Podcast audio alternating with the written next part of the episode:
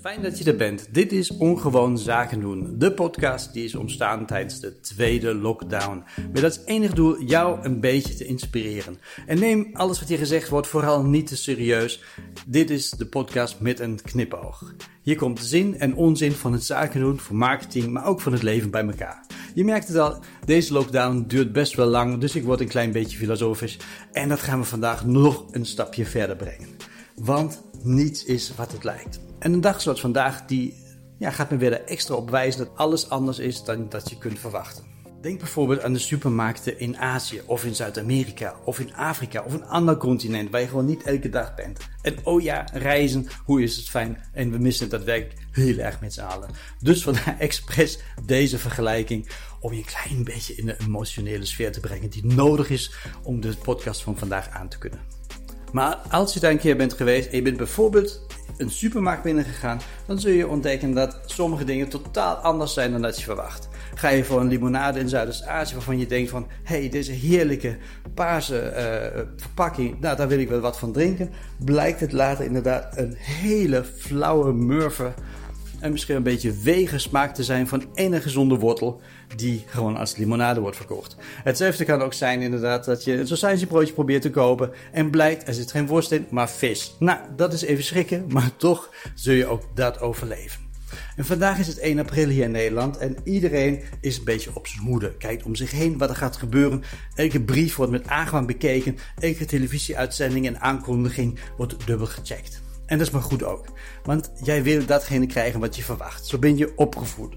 Zo ben je getraind, ook in je professionele werk. En dat wil je ook anderen geven. Datgene wat ze verwachten. Dat wil je vooral je klanten geven. Want meeting expectations is key. Dat is altijd hetgene waarvoor je je best doet. Of het gaat om leveringstijden, de productvoorwaarden of juist de productspecificaties of de service die je customer service levert. Het gaat om meeting expectations.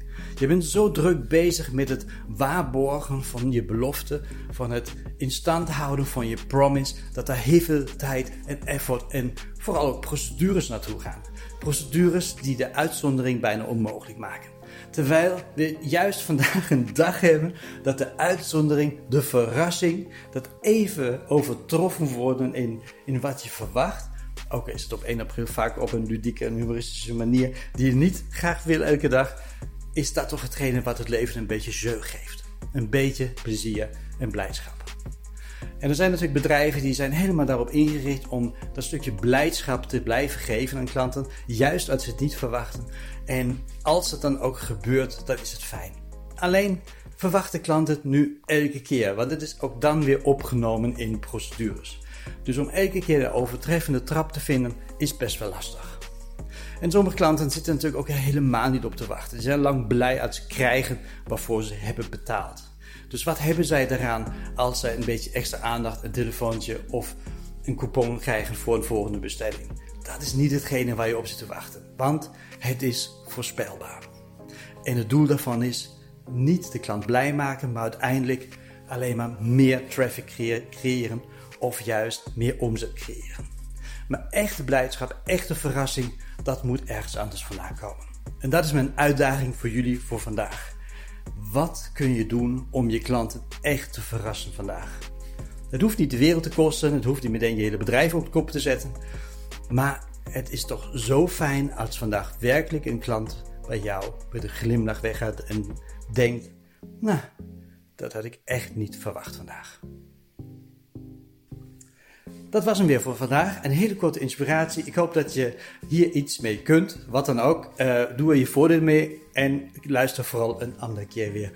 Als je inspiratie zoekt in deze lockdownperiode. Tot een volgende keer.